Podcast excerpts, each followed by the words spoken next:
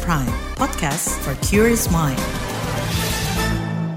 Halo saudara, senang sekali kami bisa menyapa Anda kembali melalui program KBR Sore edisi Jumat 2 Februari 2024. Saya Aika akan menemani Anda selama kurang lebih 30 menit ke depan. Saudara, daya saing Indonesia pada 2023 berada di peringkat papan tengah dari total 64 negara berdasarkan survei IMD Indeks Daya Saing Global. Posisi itu lebih rendah dibanding Malaysia, Thailand, dan tertinggal jauh dari Singapura. Pengukuran peringkat dihitung berdasarkan kinerja ekonomi, efisiensi pemerintahan, efisiensi bisnis, serta infrastruktur. Secara umum, peningkatan daya saing itu ditopang kualitas sumber daya manusia yang didukung sistem pendidikan dan dunia kerja yang saling terhubung.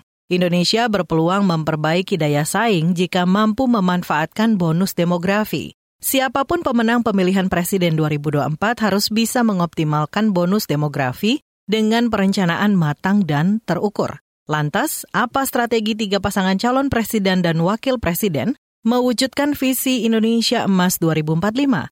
Selengkapnya kita bahas di KBR sore.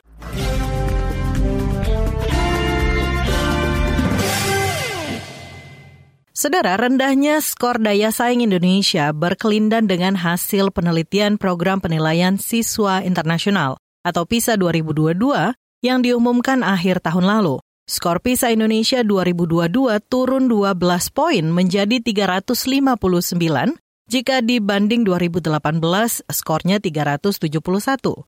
Skor PISA mengukur pengetahuan dan keterampilan pelajar berpartisipasi penuh dalam masyarakat modern menjelang akhir wajib belajar, meliputi kemampuan membaca, matematika, dan sains. Kepala Bidang Advokasi Perhimpunan Pendidikan dan Guru P2G Iman Zanatul Hairi mengatakan, skor matematika Indonesia setara Palestina saat krisis keamanan dan kemanusiaan. Lalu juga kemudian dari kita bisa melihat dari angka-angka lain, misalkan hmm, raport pendidikan kita dalam AN yang terbaru 2023, di situ terlihat bahwa ada penurunan skor ya, ada penurunan skor iklim keamanan kita di sekolah.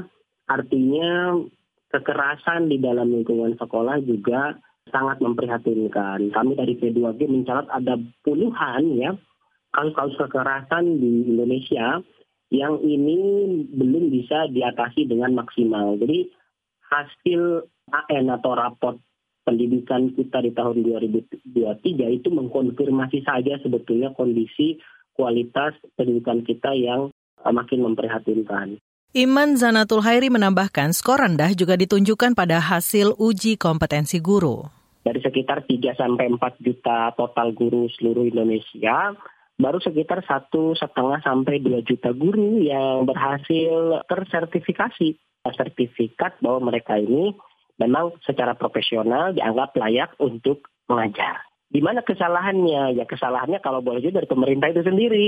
Karena guru-guru yang sudah ingin segera diuji dan mendapatkan sertifikasi ini harus mengantri juga karena pemerintah tidak sanggup ternyata untuk uh, mengelola sertifikasi guru belum lagi berkaitan dengan jual beli ijazah palsu yang kemudian menyebabkan banyak sekali lulusan-lulusan tenaga kependidikan ya guru ini kualitasnya dipertanyakan. Iman Zanatul Hairi berharap pada debat pamungkas antar calon presiden, para kandidat dapat memaparkan gagasan dan komitmen kuat meningkatkan mutu pendidikan dan kualitas sumber daya manusia SDM. Saudara, tema debat kelima antara lain soal pendidikan, SDM, ketenaga kerjaan, dan inklusi. Debat digelar di JCC Senayan, Jakarta, minggu lusa. Tapi kami harap debat nanti jangan klise.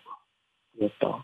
Karena apa pun kebijakan terhadap guru, peningkatan kualitas guru itu harus menyertakan jaminan kesejahteraan. Dan kalau jaminan kesejahteraan ini tidak diimplementasikan secara serius, maka kita akan mengulang kesalahan yang sama. Seperti yang sekarang gitu. Guru terombang ambing, kita dites hasil PISA kita jelek, guru-guru tidak fokus terhadap pembelajaran, sibuk uh, main TikTok dan Instagram, bikin konten pembelajaran, kelasnya ditinggal dan lain sebagainya. Yang paling utama adalah kenapa para guru-guru ini memang tidak fokus terhadap kualitas pembelajaran, beberapa alasan di antaranya karena mereka cari tambahan pendapatan di luar.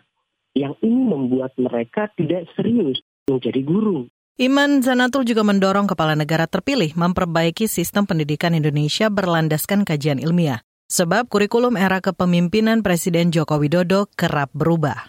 Uh, dalam lima tahun terakhir, maksud kami di periode pemerintahan yang sekarang, di kepemimpinan Nadiem Makarim, itu kita ini kurang lebih uh, hampir lima tahun menggunakan banyak kurikulum. Jadi walaupun disanggah bahwa hanya ada satu kurikulum, sebenarnya kami dari P2G mencatat dari tahun 2021 sampai 2024, Kementerian ini mengeluarkan berbagai macam format kurikulum.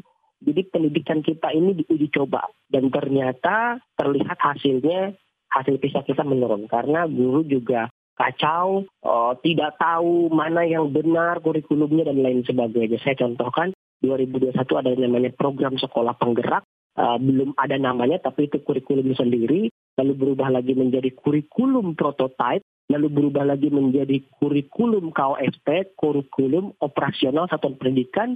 Baru di tahun 2022 lahir namanya kurikulum merdeka. Jadi kami melihat juga dalam kebijakan kurikulum ini ada masalah yang sangat serius secara mendasar seperti naskah akademiknya tidak jelas gitu ya penerapannya tidak memperhatikan kondisi lapangan itu tadi Kepala Bidang Advokasi Perhimpunan Pendidikan dan Guru P2G Iman Zanatul Hairi. Saudara pemerintah mengungkap lima target yang harus dicapai Indonesia agar menjadi bangsa maju dengan kekuatan ekonomi kelima di dunia. Menteri Koordinator Bidang Pembangunan Manusia dan Kebudayaan Muhajir Effendi mengatakan, kelima parameter itu antara lain pendapatan per kapita tinggi, tingkat kemiskinan menuju 0 persen, tingkat pengangguran terbuka 4 persen, dan angka melek huruf tinggi. Guna mewujudkan target tersebut, pemerintah menerbitkan peraturan presiden tentang revitalisasi pendidikan vokasi dan pelatihan vokasi. Revitalisasi itu untuk menyiapkan tenaga kerja unggul, berdaya saing, terampil, bermutu, dan kompeten sesuai kebutuhan dunia kerja yang terus berkembang. Saudara pendidikan di tanah air masih menghadapi tantangan maraknya budaya kekerasan. Seperti apa kondisinya dan bagaimana mengatasinya? Selengkapnya kami hadirkan dalam laporan khas KBR usai jeda berikut. Tetaplah di KBR sore.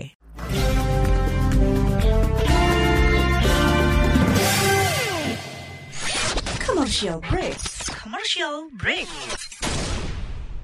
Bagaimana kamu melihat cinta?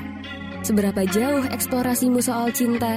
Nikah, pacaran, cinta aja nggak cukup gitu. Tapi kalau saya bilang cinta aja tuh cukup. Makna cinta, Cile, aduh pokoknya ketika bilang cinta itu gue cuma tahu kalau you fall in love with the person and the complete package of the person ya. Cinta itu bisa menyenangkan, tapi cinta itu kadang rumit.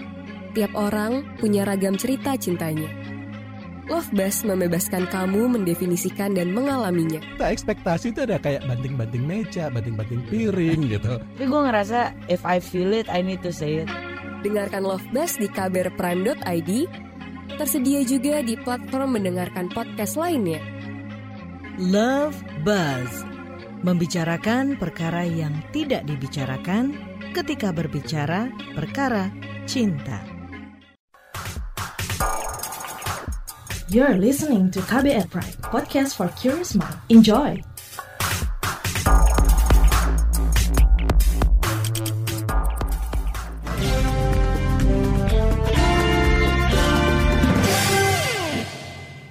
Kekerasan di lingkungan pendidikan masih menjadi fenomena gunung es. Pemda dan sekolah diminta membentuk tim pencegahan sebab ada ribuan kasus yang sudah diterima KPAI dari berbagai daerah. Lantas, apa saja upaya konkret untuk menciptakan sekolah aman bagi anak? Berikut laporan khas KBR disusun jurnalis Heru Haitami. Kepolisian Cilacap menetapkan dua orang anak sebagai tersangka kasus perundungan atau bullying terhadap siswa sebuah SMP. Komisi Perlindungan Anak Indonesia atau KPAI menilai kekerasan seksual terhadap anak di lingkungan pendidikan bagaikan gunung es, sebab masih banyak kasus yang dilaporkan. Itu tadi beberapa kasus kekerasan terhadap anak yang terjadi di lingkungan pendidikan yang dirangkum melalui pemberitaan KBR. Komisi Perlindungan Anak Indonesia KPAI mencatat tahun lalu pelanggaran terhadap perlindungan anak di lingkungan pendidikan mencapai 2.350-an kasus. Itu sebab Komisioner KPAI Diah Puspitarini meminta sekolah tidak menutup-tutupi bila terjadi kekerasan terhadap anak. Kami sampaikan, kalau di satu sekolah terjadi kekerasan fisik, jangan ditutup-tutupi. Itu menjadi hal yang memalukan bagi sekolah dan itu sepertinya merusak citra sekolah. Itu harus dirubah perspektifnya. Justru kalau ada kasus selesai tuntas itu menunjukkan sekolah itu berkualitas. Logikanya harusnya dibalik seperti itu. KPAI menyebut Undang-Undang Perlindungan Anak hingga Permendikbud dan Permenak tentang pencegahan kekerasan di lingkungan pendidikan belum efektif mencegah kekerasan terhadap anak.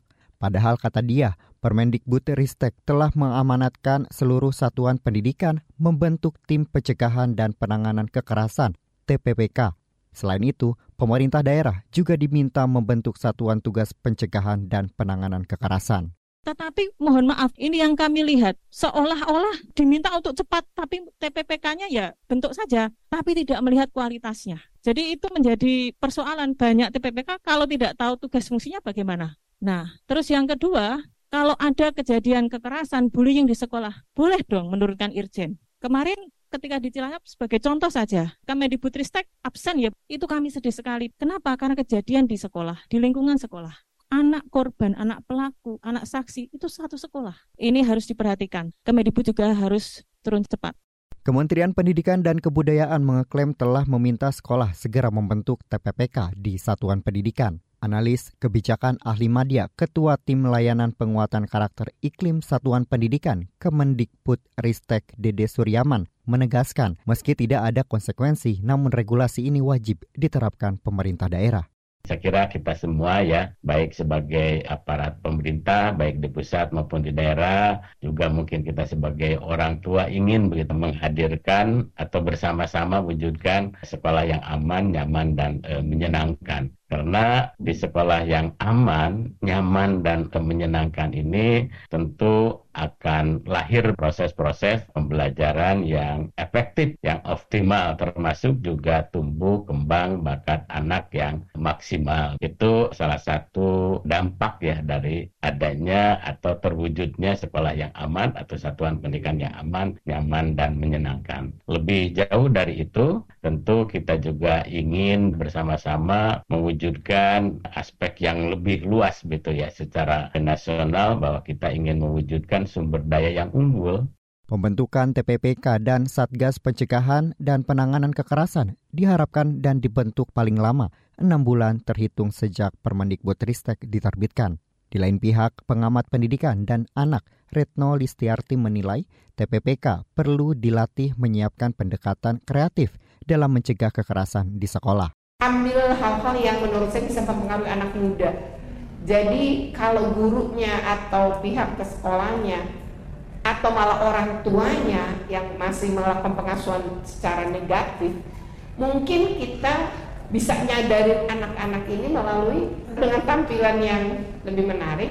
Di dalamnya isinya juga anak-anak muda. Minta mungkin bisa ke sekolah-sekolah nih bisa dilatih gitu ya. Maksudnya jadi bagaimana mereka misalnya bentuknya apa ya? Bisa pakai lomba sih kalau mau cepat.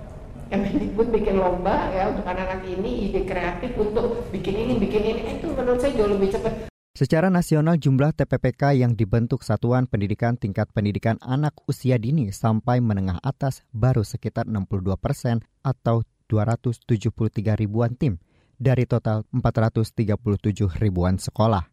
Selain itu, pembentukan Satuan Tugas Pencegahan dan Penanganan Kekerasan masih menjadi catatan bagi pemerintah daerah. Lantaran baru 8 dari 38 provinsi dan 100 satgas dari total 514 kabupaten kota. Demikian laporan khas KBR, saya Heru Hetami. Itu tadi laporan khas KBR mengenai kekerasan di lingkungan pendidikan.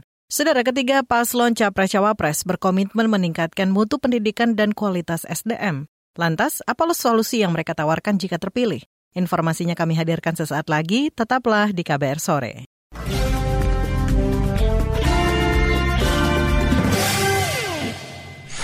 Commercial break. Commercial break. Buat kamu yang always hektik, apalagi di kantor yang toxic, working gak ending-ending, ditambah si bos yang grumpy, bikin salty. Apaan tuh artinya, Neng? Artinya si bos cerewet dan bikin bosen. Oh. Join yuk di KBR Pagi, siaran pagi radio paling update, menghadirkan berbagai informasi yang paling update dan terkini, ditambah playlist yang lit and chill. Apaan lagi ini artinya, Neng? Ih, rese. Artinya keren dan menyenangkan. Oh iya iya. Simak KBR Pagi setiap Senin sampai Jumat, mulai pukul 7 pagi, di radio jaringan KBR dan podcast kbrprime.id. You're listening to KBR Pride, podcast for curious mind. Enjoy!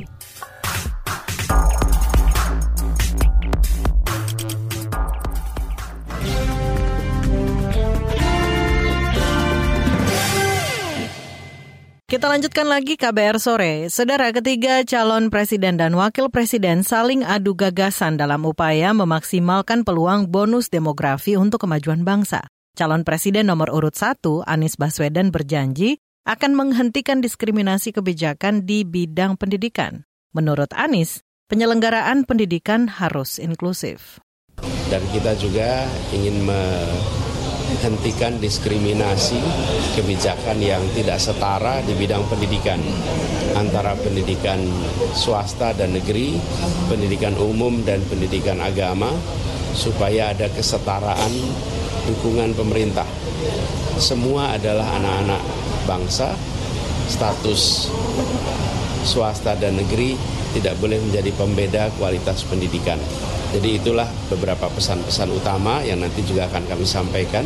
Anies juga menyebut permasalahan zonasi harus diselesaikan dengan cara yang tepat agar tidak merenggut hak pendidikan anak. Salah satunya dengan mengkaji ulang kebijakan tersebut.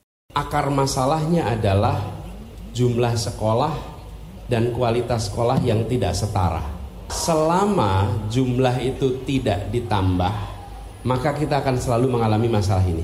Jadi, kami melihat perlu memastikan jumlah bangku sekolah itu sama antara jenjang SD, SMP, dan SMA. Jangan bentuknya seperti piramid. Makin tinggi, makin sedikit bangkunya. Kalau makin sedikit bangkunya, makin timbul masalah itu. Di tempat terpisah, calon wakil presiden nomor urut 2 Gibran Rakabuming Raka menjanjikan anak-anak buruh bisa mengenyam pendidikan sampai sarjana atau setara strata 1. Caranya dengan memperluas penerima Kartu Indonesia Pintar KIP. ingin menyampaikan beberapa poin yang berkaitan dengan keluarga besar Serikat Pekerja. Masalah upah yang layak, masalah keselamatan kerja terutama untuk kaum perempuan, anak-anak pekerja. Kalau bisa nanti S1 semua, ini yang anak-anak di sini, kan? Itu, kan? Nanti yang namanya KIP, beasiswa, nanti akan coba kami prioritaskan untuk anak-anak pekerja, serikat pekerja ya. Yang jelas Bapak Ibu, di tengah pembangunan yang masih industrialisasi, kita pengen juga para-para pekerja, buruh ini ikut maju juga. Saudara Cawapres nomor urut 2 Gibran Rakabuming juga berjanji memberikan perhatian khusus untuk para santri. Salah satunya melalui program unggulan dana abadi pesantren agar para santri terus berkembang dan terlibat dalam pembangunan industri. Ia juga mengatakan program makan siang gratis untuk para siswa dan guru sebagai salah satu upaya mewujudkan Indonesia Emas 2045. Sementara di lain pihak, pasangan calon presiden dan wakil presiden nomor urut 3 Ganjar Pranowo dan Mahfud MD berjanji akan melakukan pemerataan fasilitas pendidikan termasuk wilayah tertinggal, terluar, dan terdepan. Juru bicara TPN Ganjar Mahfud, Ciko Haki mengatakan, perbaikan mutu pendidikan melalui perbaikan fasilitas dan kesejahteraan para guru akan menjadi prioritas diperkuat lagi terkait dengan pendidikan di bidang teknologi informasi dan selain itu juga khusus untuk SMA maupun SMK akan banyak dilakukan atau dimasukkan dalam kurikulum-kurikulum yang berkaitan dengan dunia kerja sehingga mereka betul-betul uh, siap pakai ketika menghadapi langkah berikutnya setelah lulus dari SMA maupun SMK.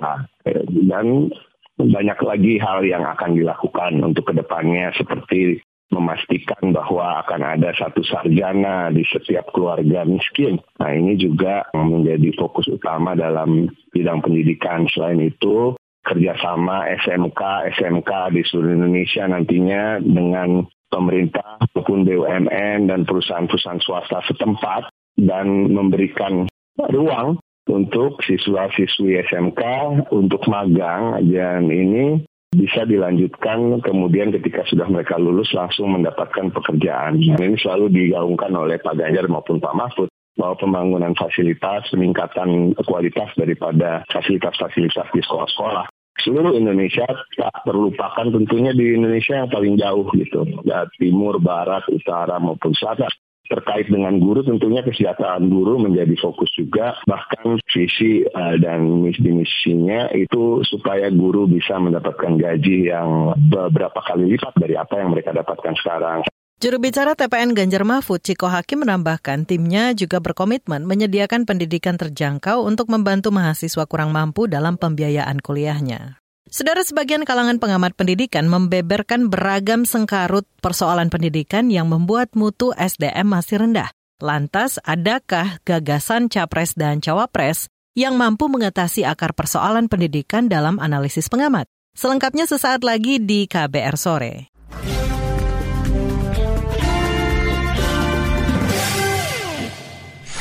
Commercial break. Commercial break.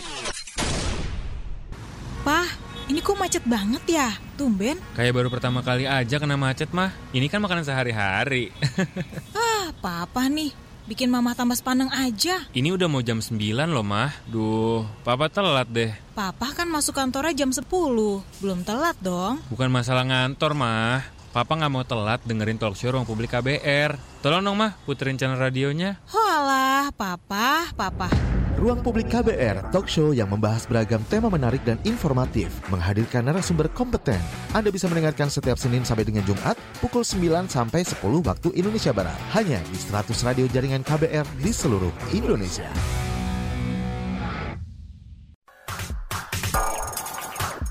You're listening to KBR Pride, podcast for curious mind. Enjoy!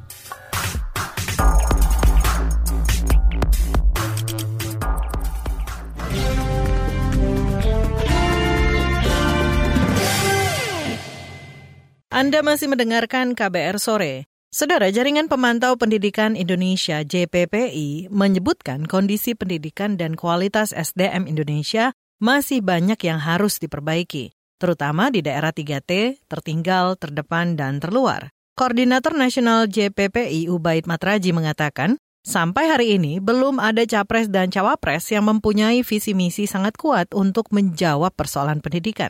Sejauh ini, kata Ubaid, hanya gimmick-gimmick politik untuk kepentingan elektoral. Apa saja usulan pengamat pendidikan untuk meningkatkan kualitas SDM dan mutu pendidikan di tanah air? Selengkapnya kita simak perbincangan jurnalis KBR Rangga Sugeri dengan Koordinator Nasional JPPI, Ubaid Matraji.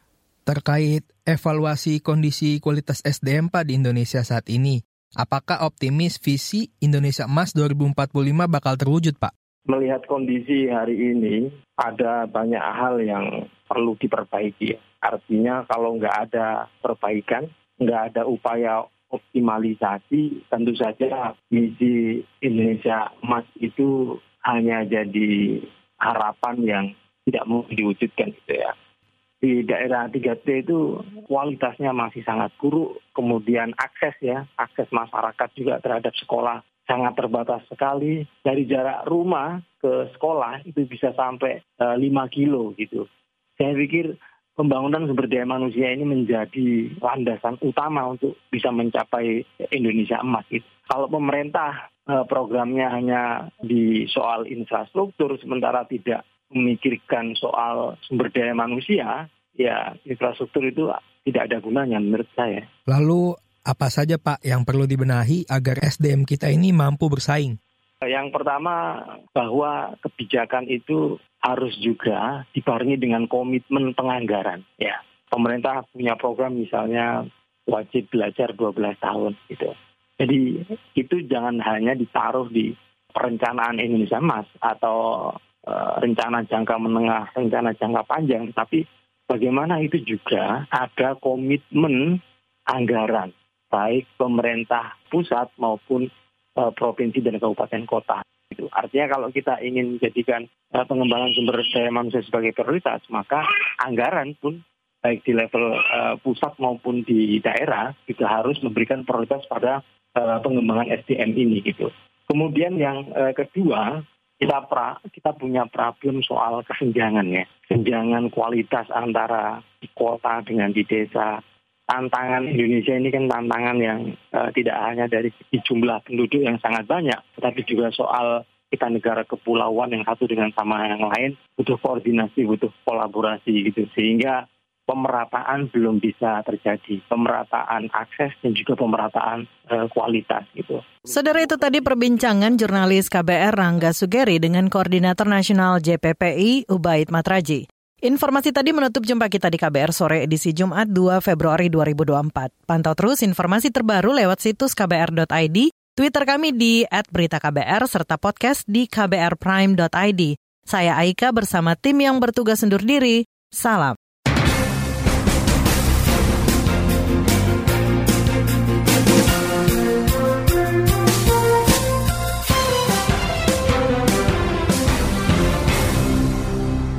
KBR Prime, cara asik mendengar berita. KBR Prime, podcast for curious mind.